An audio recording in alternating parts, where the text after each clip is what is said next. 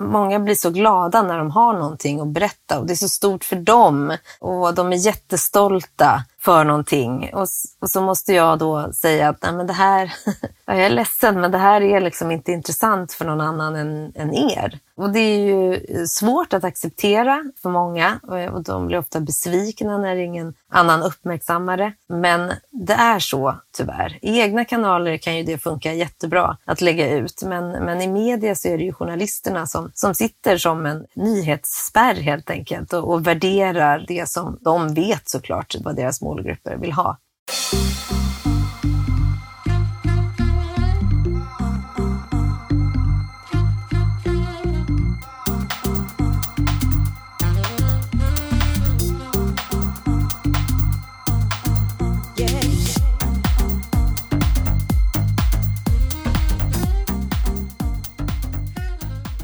Välkommen tillbaka till Digital marknadsföring med Tony Hammarlund. Det här är en podd där jag intervjuar branschexperter och marknadsförare för att lära mig mer om digital marknadsföring. Mitt mål med podden är att bli bättre marknadsförare och samtidigt dela med mig av intressanta samtal med några av Sveriges bästa marknadsförare.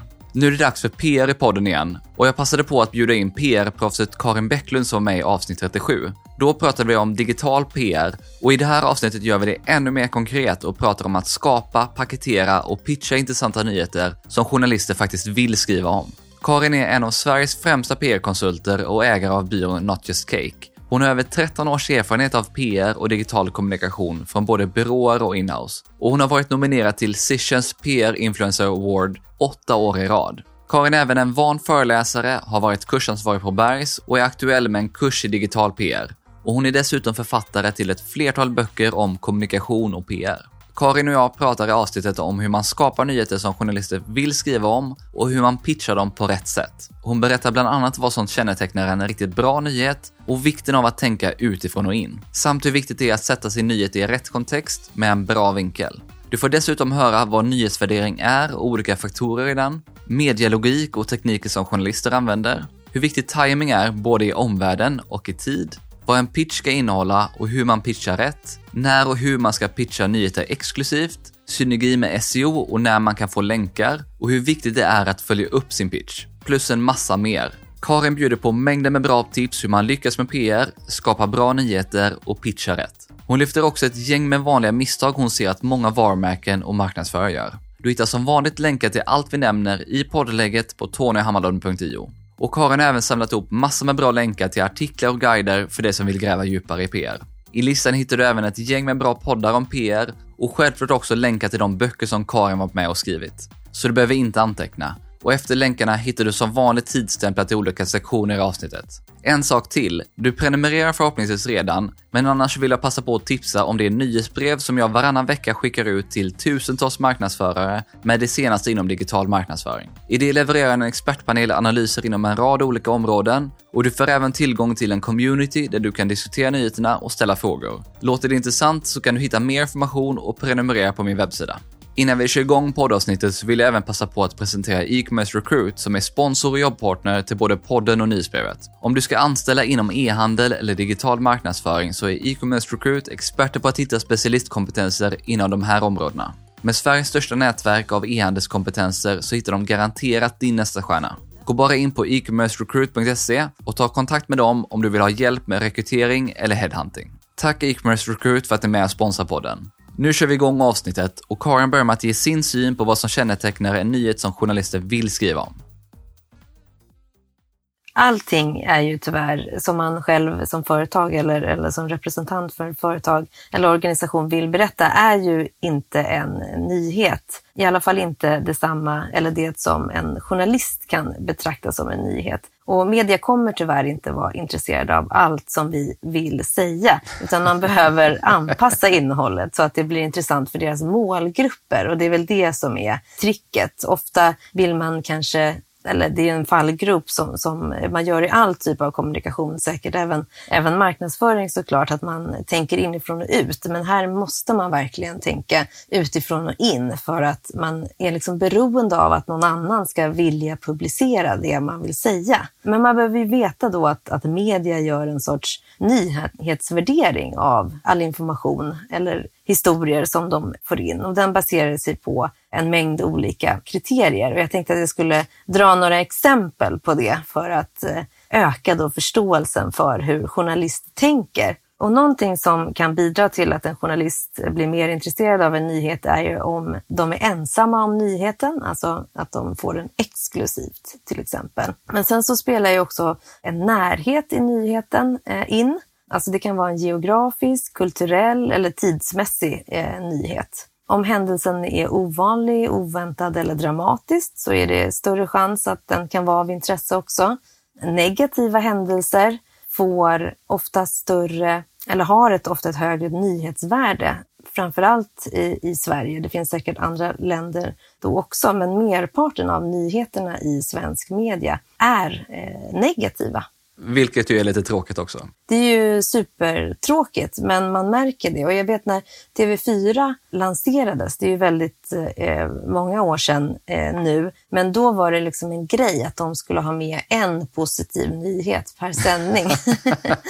Så, men det säger ju någonting lite om, om eh, hur mycket negativt eh, vi får i oss, eller vi får höra i olika, i olika nyhetskanaler helt enkelt. Men sen så såklart om, om det är någonting som involverar eller medför konsekvenser för väldigt många människor, desto fler, desto högre nyhetsvärde eh, såklart, om det är intressant för fler. Sen om det är någonting som involverar någon som är berömd eller inflytelserik människa så ökar det intresset från media. Också om, om det är någonting som väcker känslor såklart så är det väldigt bra. Och sen så underlättar det såklart också om det finns bildmaterial eller video. Så det är eh, någonting som journalister tittar på eh, när de får in nyheter eller pressmeddelanden eller, eller pitcher, när de tar beslut eh, om de ska publicera eller inte. Utöver då om, om det är en nyhet som är intressant för deras målgrupper såklart. Det är ju jätteviktigt. Utöver det jag sa. Men hur gör man den här typen av nyhetsvärdering själv?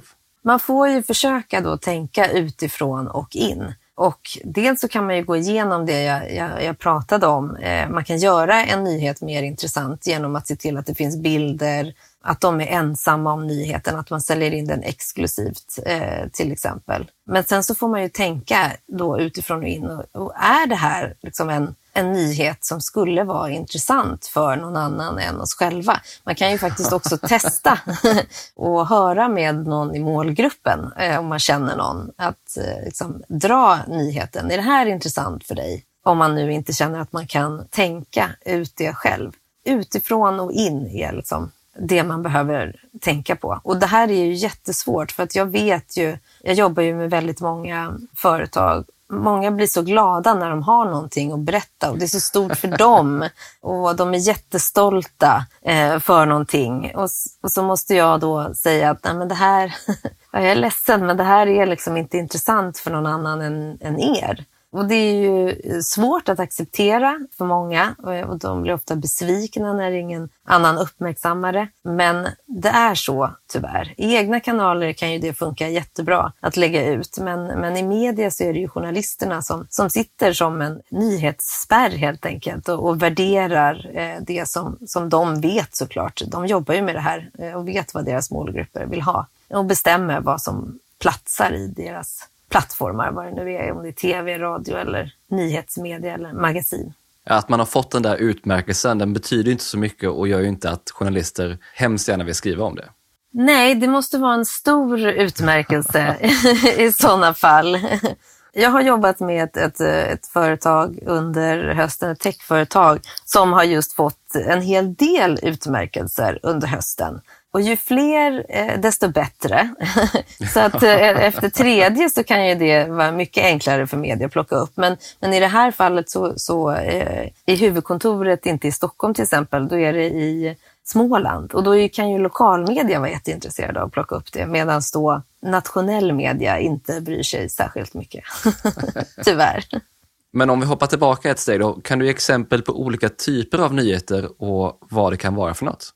Vi pratade om det en del eh, sist, alltså, det är den enklaste formen av, av, av, PR kan man säga. Det är saker som händer i företaget redan som man bara behöver liksom, kommunicera ut. Och det kan ju absolut vara en utmärkelse som du nämnde. Och beroende på vad det är för typ av utmärkelse, eh, om det är en stor och väldigt prestigefylld eh, utmärkelse så, så kan media naturligtvis vara intresserade av det. Eller om det är en mindre, så kanske lokalmedia kan vara intresserad av det. Eller, eller någon viss nisch nischmedia. Men det kan vara att företaget går med vinst, att det ska börsintroduceras, att de tillsätter en en ny styrelseledamot eh, till exempel. Eh, om man rekryterar en, en välkänd person till en nyckelposition. Mycket som händer inom en organisation kan ha ett nyhetsvärde. Och sen är det väl någonting som är vanligt som man vill få ut men som kanske är lite svårare just att få nyhetsvärde i. Det är ju när man släpper nya produkter eller tjänster och så vidare. Ja, men precis. Det är ju eh, också jättevanligt och det vill man ju såklart ha ut. Men just produktlanseringar är ju, upplever jag blir svårare och svårare eh, faktiskt. Även om det beror väldigt mycket på, på vilken bransch man är i. Men om det är liksom en skönhetsprodukt eller klädesplagg så, så upplever jag att det är, är ganska svårt. Eh, Medan jag har en kund som importerar vin och är agenter för eh, lite spritsorter och så. Deras viner syns hela tiden, men då finns det massa vinmedia som är intresserade av det. Så att, jag menar, det går ju inom vissa branscher, men det, det är ganska tufft upplever jag att få ut produkter helt enkelt. Alla kommer liksom inte vara intresserade av en juice eller kräm eller en ny app för den delen heller. Alltså det kan ju vara, det beror verkligen, det beror verkligen på. Och här pratar vi om den här typen av nyheter som du säger som kommer inifrån företaget mm. när det är någonting som händer. Men sen är väl också den typen av nyheter där man sätter sitt företag eller sina produkter eller någonting annat i en annan kontext eller hittar någon typ av vinkel eller någonting som gör det relevant. Alltså dels så kan man ju skapa nyheter för att man har ett behov av att synas. Och det är ju en sak, men sen så är det såklart också att alla nyheter, även det som händer internt, måste ha en vinkel och man pratar ju man behöver anpassa eh, nyheten för vilken journalist eller me medieplattforms eh, målgrupp så att den blir intressant för dem. Så egentligen kan det ju vara en nyhet som händer men man kan ha olika vinklar för att den ska passa olika typer av medier så att man har större chans att få ett, ett brett eh, genomslag. Och jag, jag, kan dra ett exempel. Jag sitter just nu också och jobbar med några boklanseringar. Och en roman är ju liksom en ny bok som kommer eh, och då kan man såklart liksom, eh, ja det kommer en ny bok. Det är ju en nyhet. Men sen så är ju dels då att man kan försöka lyfta författaren. Eh, det här var hennes tionde bok. Eh, då kanske man försöker få in henne i, i vissa poddar till exempel. Eh, man försöker få in henne i intervjuer, kanske lyfta att eh, hon är en före detta någonting, eh, men nu har hon sadlat om och blivit författare. Det kan vara karriärmedia etc. etc. Sen handlar den här romanen, den utspelar sig på en ort. Då blir det lokalmedia och då lyfter man ju det mot media. Sen så skriver den här författaren alltid om hundar i sina böcker. Då kan man vända sig mot hundmedia. Den kanske utspelar sig på sommaren eller julen till exempel. Då kan man ju fundera kring eh, om man kan sälja in den till så jultidningar, om den utspelar sig på julen. Eller är, finns det sommarbilagor? Alltså kan man prata då om... Alltså, så att man kan ha en nyhet, liksom en bok, men det finns, jag skulle inte säga tusentals, men, men det finns många uppslag på hur man kan jobba med PR för den boken. Och på samma sätt kan man ju jobba på andra produkter och, och tjänster också naturligtvis, även om just det här var ett väldigt tacksamt eh, exempel. Men hur gör du för att hitta den här typen av vinklar och att sätta den i rätt kontext?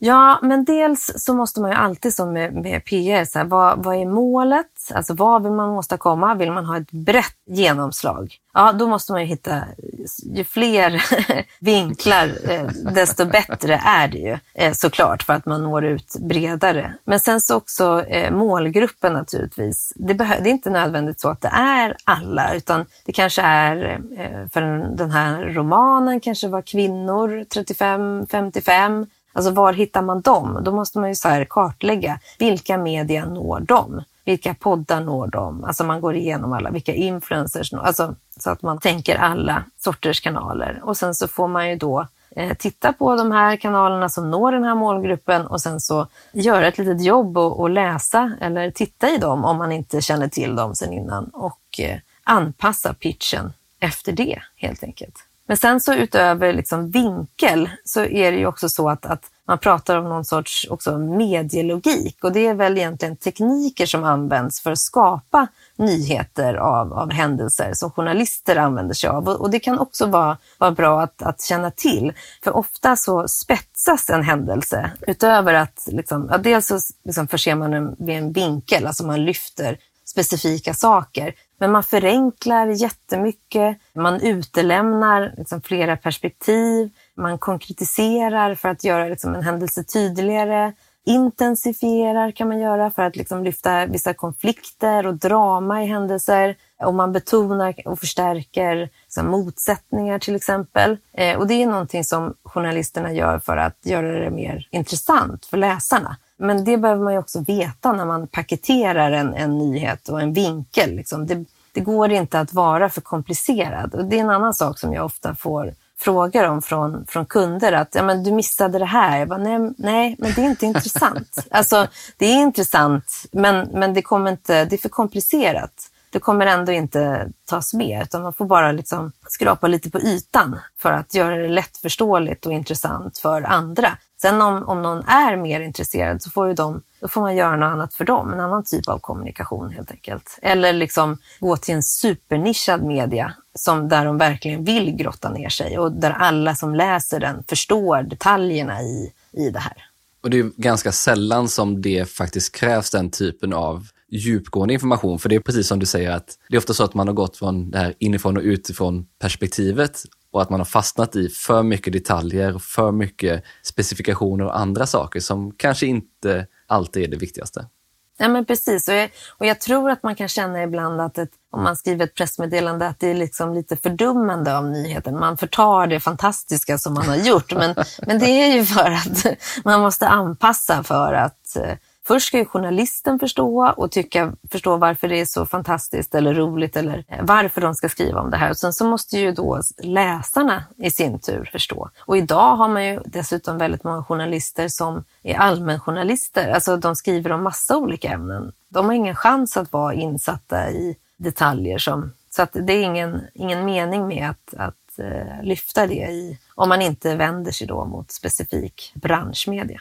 Den typen av information kommer ju oftast i den egna kommunikationen och den, ja. de egna kanalerna snarare än när man ska jobba med PR. Ja, men precis. Eller, eller att man kan bifoga en pdf eh, som förklarar situationen. eller vad man liksom, men man skriver pressmeddelandet är ju väldigt övergripande och, och lätt att förstå för alla.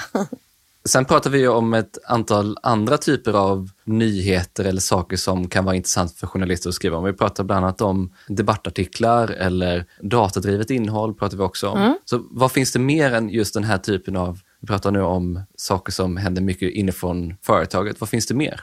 Ja, men precis det du eh, var inne på. Alltså, datadriven en PR, det, ingen kan liksom bråka med data. Dels är det ju supertydligt, eh, alltså det, det, berättar ju någonting. Man kan förstärka budskap med data. Titta här, jag har bevis för det här. Men sen så är det ju superkul också naturligtvis.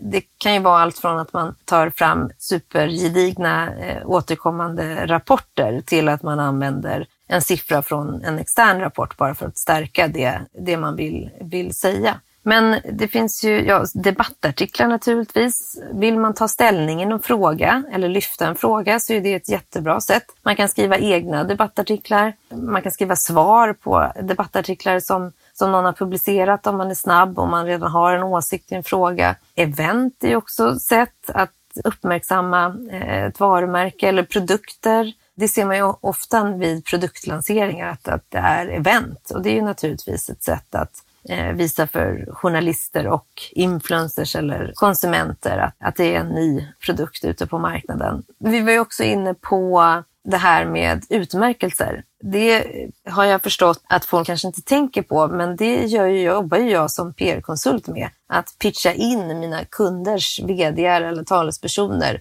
till att vinna och bli nominerade eh, i utmärkelser. Man kan ju också anordna egna utmärkelser. Det har jag gjort för flera arbetsgivare. Alltså att man vill synas i en viss fråga och så startar man en utmärkelse, sätter dit en namnkunnig jury med kända namn som också skapar uppmärksamhet och skriver pressmeddelande om det här och går ut med nominerade etc. Eh, etc.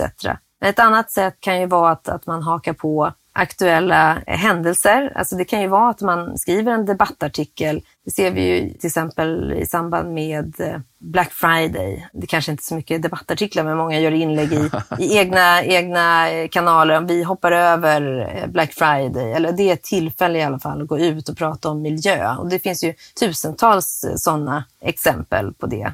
Så det finns ju massa olika liksom, trick för att jobba med PR. Person-PR jobbar jag nästan alltid med i, idag också i samband med att jag hjälper ett företag med, med PR. Alltså att, att jag hjälper deras VD eller eh, experter att, att synas i olika sammanhang. Som jag sa, att, att pitcha nominerat till priser, men att, att de syns och pratar i poddar.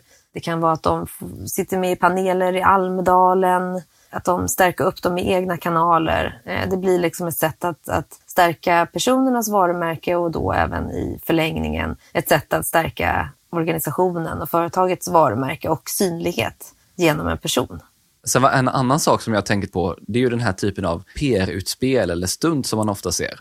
Det kan ju vara allt möjligt. Det kan vara liksom samarbeten som man gör i stort sett enbart för att, att få uppmärksamhet. Det kan vara att nyttja någonting som händer i omvärlden till sin fördel. Kom på att tänka på Ving när Facebook öppnade upp sin VR-satsning för några år sedan. Och Ving var supersnabba på att lägga upp sina resmål. För att de hade nämligen en fotograf eller filmare internt som hade massa material. Så att de la upp allting där och sen så höll de en presskonferens i VR-världen för utvalda journalister och visade sina resmål. Och det var ju bara ett, ett PR-stunt såklart. De hakade på, drog nytta av någonting som hände i omvärlden för att, eh, för att göra det. Eller då eh, såklart de här sommarjobben som man läser om varje år som är egentligen hittepå. Man ligger i, i hängmattan och ska testa olika, vad det nu kan vara, som någon ungdom får göra. Det är ju bara liksom ett sätt för att få PR för ett, ett företag ja men the sky is the limit. Alltså man kan komma på vad som helst. för de som är lite äldre så hade vi ju sån här Van Damme för ett antal år sedan som gjorde epic split mellan lastbilar som tog väldigt stor fart. Mm. Sen har vi haft på senare år, Klarna har gjort ett antal häftiga samarbeten och PR-stunts för att komma ut. Så det finns ju väldigt många intressanta saker som man kan göra, men det krävs ju en hel del kreativitet för att komma på det också. Ja, men precis. Man kan ju komma på hur roligt som helst. Min vinkund, som jag eh, säger, de är också agenter för Romen Diplomatico. Vi gjorde ett samarbete med eh, en glasstillverkare nu inför sommaren. Så de gör Diplomatico romrussin till exempel och en annan chokladsmak som jag inte, med lite apelsin och, och grejer. Och det är ju också ett sätt att, ja det är ett PR-stunt naturligtvis. Men också en väldigt god glass. Ja, men det är jättekul att höra dig när du beskriver lite av vilka olika möjligheter det faktiskt finns. För det är ju egentligen bara kreativiteten och fantasin som sätter lite gränserna, men att man just inte fastnar bara i det som kommer inifrån företag, utan, utan att man faktiskt kan se på hur kan man sätta företaget och det som händer i en annan kontext, eller haka på trender, nyheter, eller ta hjälp av sina experter och andra personer internt för att faktiskt ta ställning i frågor eller ge expertkommentarer och så vidare. Mm. Precis. Före jag fortsätter prata PR med Karin så vill jag presentera Meltwater som är med och sponsrar podden. Du har säkert hört talas om Meltwater tidigare och man är kända för sina verktyg inom media intelligence och social analytics. Deras plattform har global täckning och används idag av över 27 000 marknadsteam och team inom PR och social. Två av de främsta användningsområdena där plattformen verkligen skiner är mediebevakning och analys av både traditionella och digitala medier samt hantering och analys av såväl köpta som organiska kampanjer i sociala medier. Ett annat område där man har ett grymt verktyg som jag verkligen gillar är inom hantering och analys av influencer marketing som bland annat är jättebra för att hitta rätt influencers. Med verktyget får man även kampanjhantering och ett smart influencer-CRM. Vill du veta mer om plattformen så är det bara att gå in på meltwater.com och hälsa gärna från mig. Stort tack Meltwater för att ni är med och sponsrar podden.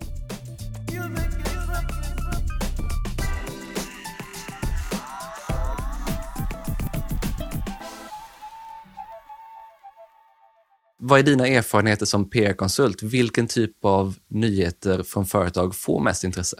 Det är så himla olika beroende på vad det är för företag och inom vilken bransch man, man eh, verkar inom. Är det techbolag så är det ju liksom stora affärer. Alltså då ska det, pratar vi mångmiljonbelopp eller investerare, välkända sådana etc.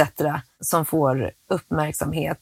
Eh, så det är verkligen eh, olika, men man kan väl säga att vill man nå ut brett så är det ju bra om en nyhet tilltalar olika målgrupper. Jag skrev ett, ett pressmeddelande för ett tag sedan, ett techbolag, att, att nå ut med nyheten om att de hade anställt en välkänd eh, designer och entreprenör som creative director. Och det är ju bra, för dels är det ju techbolag som är intresserade av den typen av media.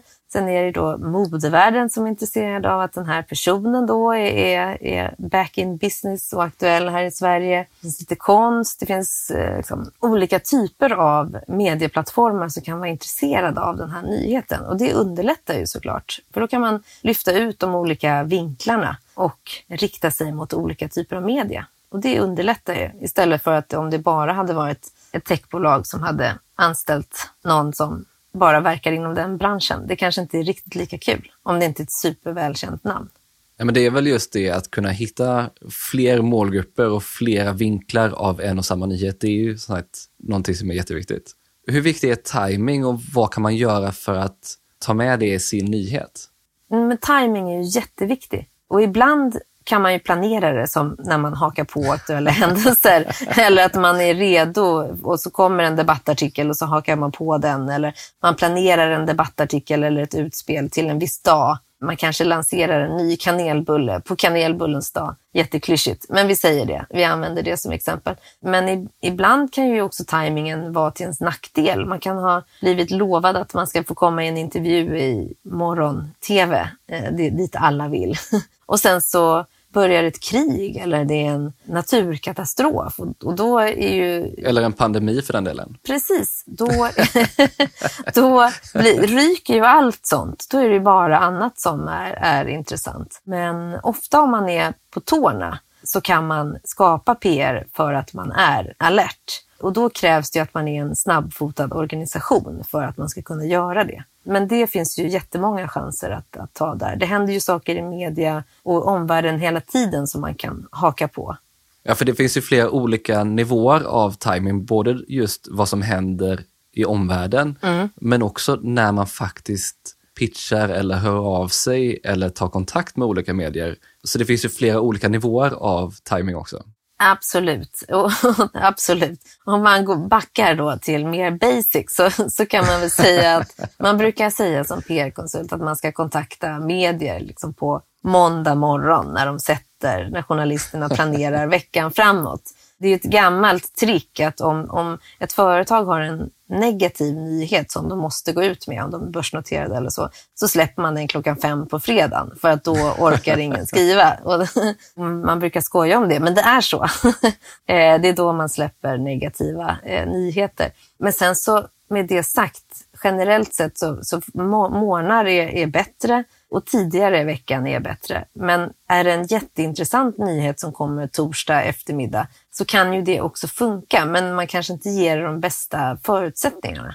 Du var inne lite på det här med att rikta sig till olika typer av media eller olika typer av sajter och tidningar med olika vinklar. Men hur ska man tänka kring vilka sajter, tidningar eller media som man ska fokusera på i sin plan för den här nyheten eller kampanjen man har?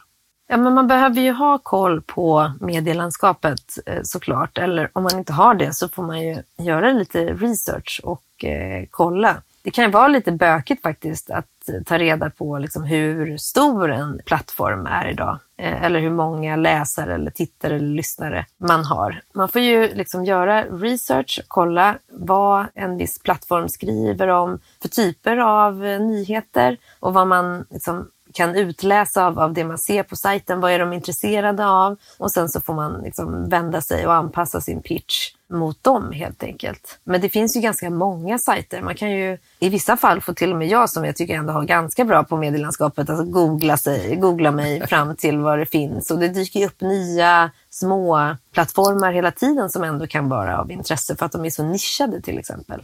Jag tänker också på det här med storlek, för är man inom tech, ja men då vill alla ha en artikel på Breakit eller Dagens Industri eller liknande. Så hur ska man tänka kring storlek på media eller tidning eller sajt man riktar in sig på?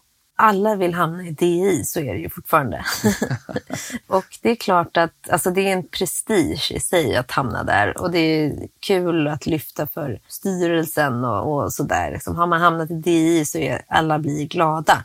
Och det är klart också att man vill hamna i, i stora medier. Men det är betydligt svårare. Ju större målgrupp mediet har, desto bättre måste nyheten vara. Alltså det måste ticka i flera nyhetspunkter i om man ser till nyhetsvärdering. Alltså det måste ju också vara en nyhet som påverkar väldigt många för att det ska vara av, av intresse eller ha ett allmänintresse som man pratar om. Så det är ju betydligt eh, svårare. Så även om man hoppas på det så får man ju ofta liksom nöja sig med, med mindre. Men om man vill ha den i DI till exempel, då får man ju då tänka så här, ja, men då kanske vi ska erbjuda dem den exklusivt eller, eller hur kan vi göra för att att få det extra intressant för, för eh, dem. Man får helt enkelt anpassa hur man tänker och, och pitchen för att, eh, för att attrahera dem, helt enkelt. När man liksom sitter och funderar och, och, över sin pitch och vilka medier man vill in i så är det ju alltid bra att göra liksom en lista med prioriterade medier, en så önskelista.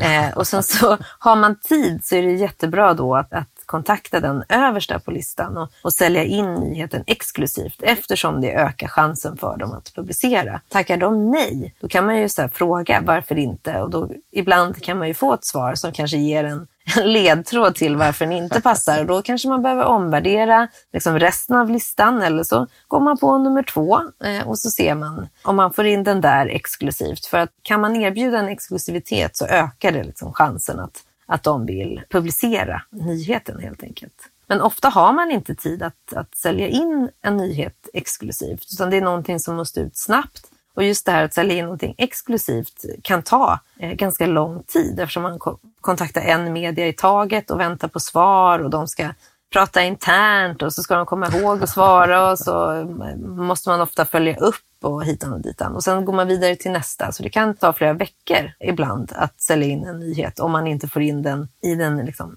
toppen så att säga. Så att det hinner man inte alltid. Utan då kanske man skickar ut eh, brett direkt helt enkelt. Så om du skulle säga så är det det som avgör mycket om du går på ett fåtal och just pratar exklusivitet, det är just hur mycket tid du egentligen har. Mm. Eller om du ska gå ut bredare direkt då? Ja, precis. Det har med tiden att, att uh, göra helt klart. Så här, okej, okay, om jag har en nyhet, jag vet att den ska gå ut imorgon. Då kan jag ändå så här, ja men jag hör av mig till DI då för att ge eh, det exempel som alla vill vara med i. Den här nyheten går ut imorgon. Eh, vill ni ha den exklusivt så får ni den det är klart att man kan chansa så, men det garanterar ju inte. Det ger ju inte dem tid att fundera eller få tid att göra någonting ordentligt. En, en intervju utöver pressmeddelandet eller sånt. Visst kan man göra så, men, men det garanterar ju inte någonting. Det är ju bättre att ha lite tid. Den här nyheten är inte eh, tidskritisk på sekunden. Om man har en rapport som man vill lansera till exempel. Om den inte är knuten till en viss dag så kan, kanske det inte spelar roll, någon roll om den släpps den första maj eller den 14 maj. Eh, då kan man ju gott ta tid på sig att bearbeta medier för att få in den liksom, så högt upp som möjligt på sin lista med prioriterade medier. Men då kommer vi också in på det här med att pitcha sin nyhet. Så hur gör man det och hur distribuerar man sin nyhet på ett bra sätt och når ut till rätt personer? Om jag ska sälja in någonting exklusivt eller tipsa ett fåtal eh, journalister så gör jag ofta det via mail. Men då gäller det att, att hålla koll på de journalister som skriver om det här ämnet eller skickar det liksom till chefredaktören eller någon, någon tipssida. Men det allra bästa, eller någon tipsmail det allra bästa är ju om man såklart har någon sorts relation eller känner till en journalist, att, de, att man verkligen träffar rätt. Den här personen skriver alltid om NFTs till exempel. Eh, då har jag en NFT-nyhet så skickar jag den till hen. Och då är det ju större chans än om jag skickar det till en, liksom, en generell tipsa... Eh, tipsa redaktionen, mail så. så kanske inte den här NFT-filuren är där när de går igenom allting och så, så missar man på grund av det. Men jag brukar, och det här kan man ju göra, man kan ju ringa först eh, och prata med någon och sen ha ett mejl redo och skicka ut liksom, så fort man har lagt på. Eller så mejlar man först, det brukar jag göra, föredra att göra och sen ska man ringa sen eller följa upp via via mejl. Det är ju en vad man föredrar själv. Men det är ganska bra att, att följa upp, även om man tycker att det är svinjobbigt och man tycker att man tjatar, så är det ofta vid andra liksom, påtryckningen som det faktiskt händer. För journalister idag får ju enormt mycket mejl. Och, och, ringer man eller mejlar man igen, då kanske de liksom tar sig tid att ja men vänta, jag ska titta på nyheten. Är det här någonting? Och ringer man så får man ju ofta direkt svar. Nej, det här är absolut ingenting för oss. Eller ja, ja men vi ska titta på det det är bra att, att följa upp. Men sen så när det gäller att skicka ut pressmeddelanden brett så är det bra att använda sig av, av något verktyg, för då blir det också sökbart. Så det är bra. Och inte sitta i sitt mailprogram och lägga listor och e-postadresser i dold kopia. Nej, alltså det kan man ju såklart eh, göra, men det, min upplevelse är att det ofta blir väldigt eh, administrativt bökigt att hålla reda på vem som har svarat och man får inte skicka till så många och det finns gränser och, och vem var det nu och, och vad skickar jag till de här? Och plus också att om man ändå mejlar så kan man ju passa på att liksom anpassa sin pitch till de olika medierna. Jag säger inte att en pitch bara funkar till en media, men det kanske inte, en viss pitch kanske inte alltid funkar till 50 media, utan man kan tweaka pitchen lite. Ja, för då kommer vi in på pitchen i sig. Vad anser du att en bra pitch ska innehålla? Ja, men dels så måste man ju visa att man förstår vem, var man har vänt sig så att det inte blir, alltså att man vet att det är eh, rätt person och en rätt mediekanal man måste ju visa det och sen så naturligtvis bara liksom på några korta rader lyfta varför det är intressant för dem. Så det är egentligen inte så himla svårt. Jag kommer ihåg när jag hade podd så var ju, fick vi ju mejl hela tiden om, om personer som ville vara gäster. Och man, man vet ju när det är en, en, en bra pitch, för då har de lyssnat på podden, de har satt sig in och de, de, har, de lyfter någonting som kan vara av värde för dig och för dina lyssnare. Och så gäller ju för journalister också naturligtvis. Skriv några meningar om varför den här nyheten är så fantastisk och samtidigt då förklara varför DIs läsare kommer tycka att den här är, är så bra, intressant.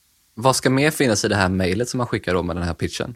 Pressmeddelande är ju jättebra att eh, ha med. Bilder om det finns, eller länk till bilder. Eh, kontaktuppgifter är jätteviktigt också. Och det behöver inte vara någon lång pitch. Det beror också på om man, om man känner journalisten i fråga. Då kan det ju vara en, en lättsammare ton och, och kanske eh, man behöver kanske inte anstränga sig riktigt lika mycket i, i pitchen som om, om det är någon man aldrig har haft kontakt med innan såklart. Då behöver man bevisa sig själv lite mer och sin nyhet. Men, men det behöver inte vara så komplicerat att pitcha. Många tycker det är jättejobbigt, men det gäller ju bara att sälja in nyheten på några få rader. Hur ser du på pressmeddelandets roll så här 2022? Ja, men det är fortfarande en, en viktig eh, bas i PR-arbetet för att man skickar fortfarande pressmeddelanden och det kan ju användas som underlag när man pitchar en nyhet till journalister. För det, många journalister vill ju göra någonting eget av ett pressmeddelande. Alltså att, att pressmeddelandet bara då funkar som någonting för att sälja in en nyhet och sen så väljer de att göra en en egen artikel eller en intervju eller ett, ett reportage som ett sätt att sälja in en nyhet medan då vissa tar delar av det eh, och publicerar direkt eller vissa publicerar hela pressmeddelandet. Så, så jobbar man mot journalister så är ju pressmeddelandet högre grad fortfarande aktuellt. Sen finns det ju idag många andra personer som man jobbar mot som PR-konsult. Journalisterna är inte de enda längre vilket det var för flera år sedan. Nu finns det ju många andra också. Så, men om man vänder sig till journalister så, så är pressmeddelandet en, en stor roll. Nej, men det är jättekul att höra att det fortfarande är väldigt aktuellt med pressmeddelande och att det fortfarande är en bas så för arbetet med PR. Du var inne lite tidigare på det här med att bygga relationer med journalister. Så nu förstår jag också att du är PR-konsult, så du är lite partisk i frågan. Men hur viktigt skulle du säga att det är att bygga relationer?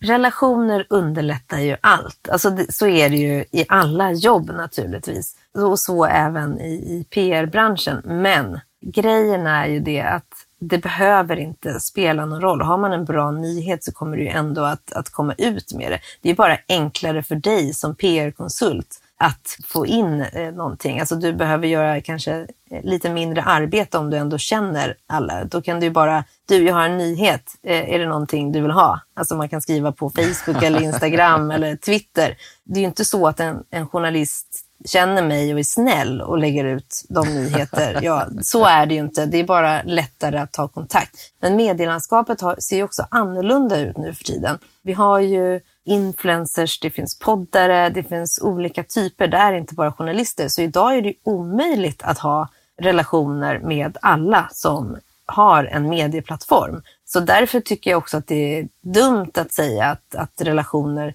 spelar jättestor roll. För ingen kan ha en bra relation med alla. Sen är det såklart att en PR-konsult som jobbar jättemycket med influencer marketing och känner influencers, hon kommer att ha ett jättemycket enklare jobb naturligtvis. Och då är, är det ju såklart viktigt, men det är omöjligt att ha den bredden idag och känna alla överallt. Det förenklar bara PR-konsultens jobb i, i kontakttagandet. Alltså det är fortfarande så att en journalist till exempel, som jag sa, bara för att den personen känner mig så kommer inte hon släppa igenom mina nyheter för att vara snäll. Tyvärr är det ju inte så.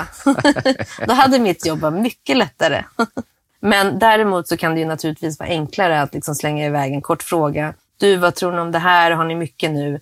Relationer är ju alltid bra. Det kommer underlätta för dig vilket jobb du än har, men det är inte allt. Man kan lyckas ändå. Men ponera nu att man har fått in en artikel. Vad ska man göra om och när nyheten väl tas upp? Ja, har man sålt in en nyhet exklusivt och de publicerar, då är det dags då att skicka ut eh, eh, pressmeddelandet brett så att fler har möjlighet att eh, skriva om det. Man får liksom en, en ytterligare eh, chans att nå ut till, till fler. Då. Men annars så gäller det naturligtvis att sprida den här nyheten så mycket som möjligt i egna eh, kanaler, alltså där den har blivit publicerad det är ju ett sätt att hjälpa den journalisten och den medieplattformen att få ut det, men det är också naturligtvis, man gör ju sig själv en, en tjänst för att visa det. Och, och bara att, att, visa upp att man har blivit publicerad i en tidning stärker ju varumärket. Så det är klart att man ska använda det i egna kanaler. Jo, men här är ett jättebra tillfälle att faktiskt använda sina egna kanaler för att maximera synligheten och som du säger, faktiskt visa upp att man har blivit omskriven.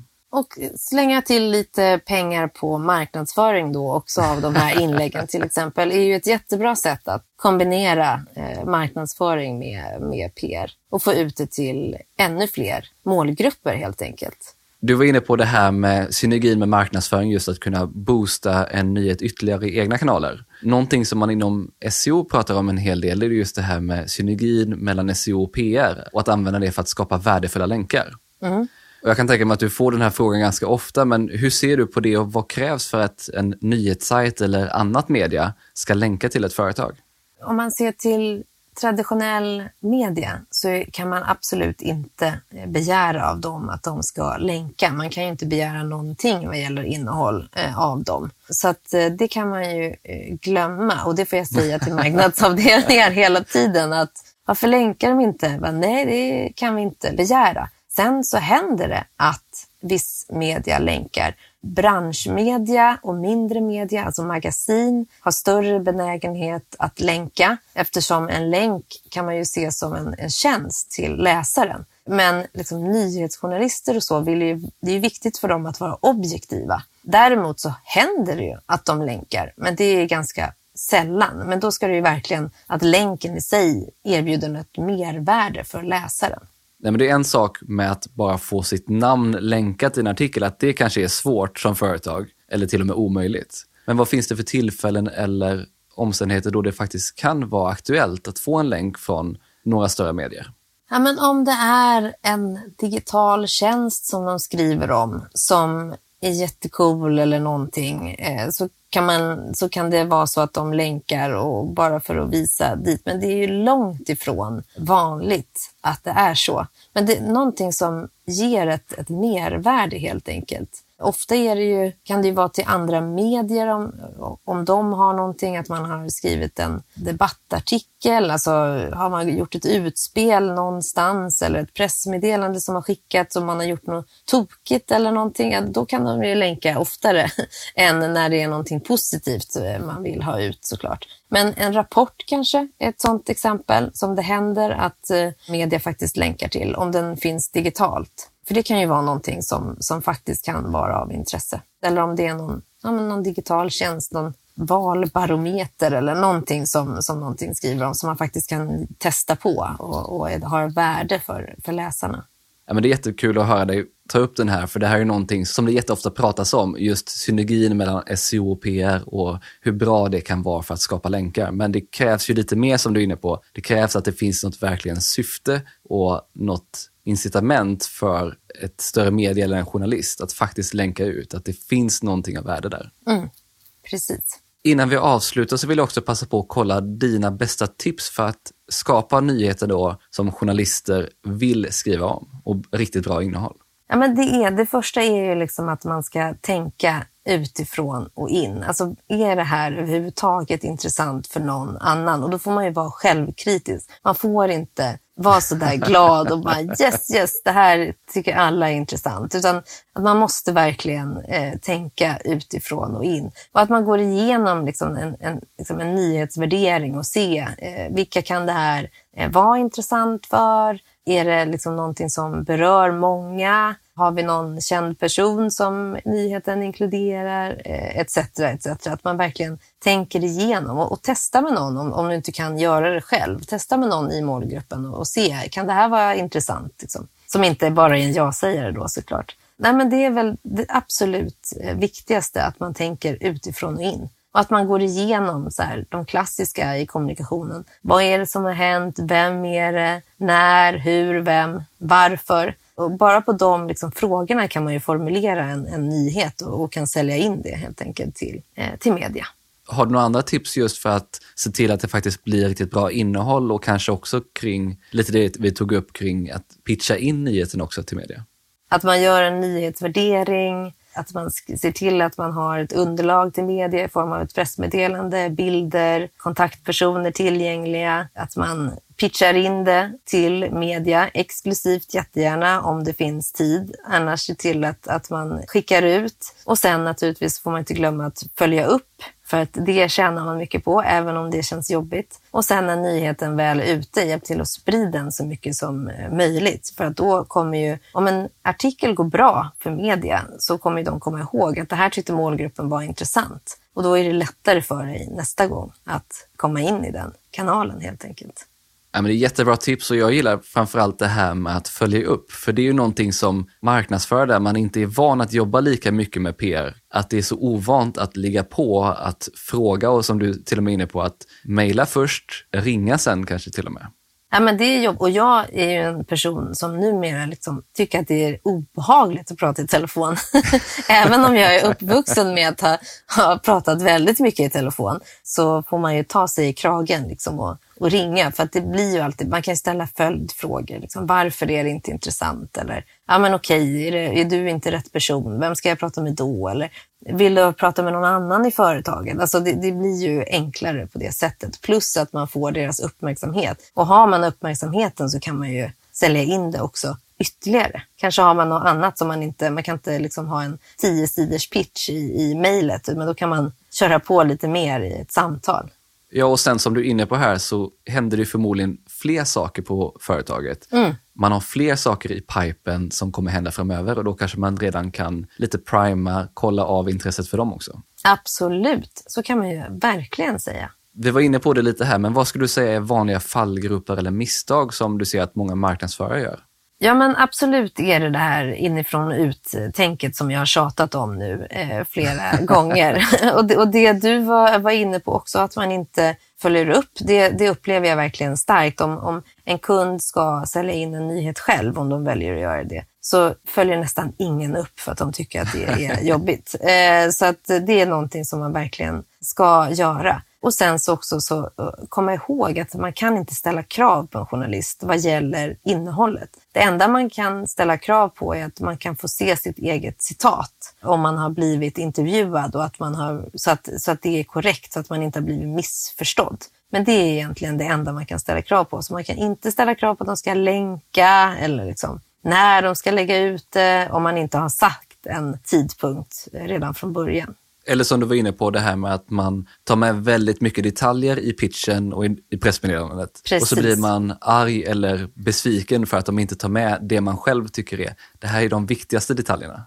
Och sen ofta ska man ju veta att, att journalister får någonting om bakfoten. Det är väldigt många fel i artiklar som publiceras. Men ofta så kanske inte felet är så jobbigt, så då kan man få låta det vara. Man behöver inte ringa upp journalisten om det inte är något allvarligt fel, utan man bara let it slide för att man ändå har fått ut det. Men det är väldigt vanligt att det är misstag, eh, små misstag i alla fall i, i många artiklar och kanske spelar det inte så stor roll. Man får liksom ställa sig utanför sitt eget ego och tänka, spelar det någon roll för den stora helheten om att det står ett litet fel eller ska jag kontakta dem och rätta? Och naturligtvis rätta journalister om det är sakfel, det är inte det. Men man kanske ska strunta i det om, om det inte är något, något större fel. Det är ett jättebra tips att avsluta med, att inte hänga upp sig på detaljer. Om man ger sig in i PR-spelet så får man också räkna med att det kanske inte är så att man alltid får precis det man vill skrivet och att det kanske är lite detaljer som utlämnas eller som blir fel. Ja, precis. Det är upp till journalisten eller den influensen eller vem man nu, poddaren, vem man nu pratar om du kan inte styra så mycket.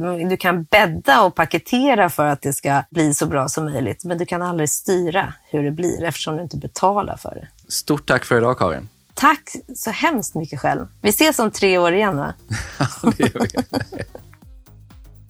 Det där var PR-proffset Karin Bäcklund på Not Just Cake om hur man skapar intressanta nyheter som journalister vill skriva om och hur man pitchar på rätt sätt. Riktigt kul att du har lyssnat så här långt och jag hoppas att du gillar det. Om du gjorde det så hade jag som vanligt uppskattat om du tipsar någon som du tror kan tycka om det och podden. Och glöm inte av att prenumerera i din poddapp. Dela också gärna dina tankar i en kommentar eller ett inlägg. Du hittar som vanligt länkar till alla resurser och verktyg vi nämnde i poddlägget på tonyhammarlund.io. Bland annat en massa bra länkar till artiklar och guider för dig som vill gräva djupare inom PR. Och i listan hittar du även ett gäng med bra poddar om PR och självklart också länkar till de böcker Karin varit med och skrivit. Har du några frågor eller idéer för framtida avsnitt så är det bara att mejla på tony.hammarlund.io eller skicka ett DM på LinkedIn. Jag vill även passa på att tacka Mikael på Bet Waves som hjälper till med att producera den här podden och stå för musiken. Vi hörs snart igen med fler intressanta gäster och ämnen.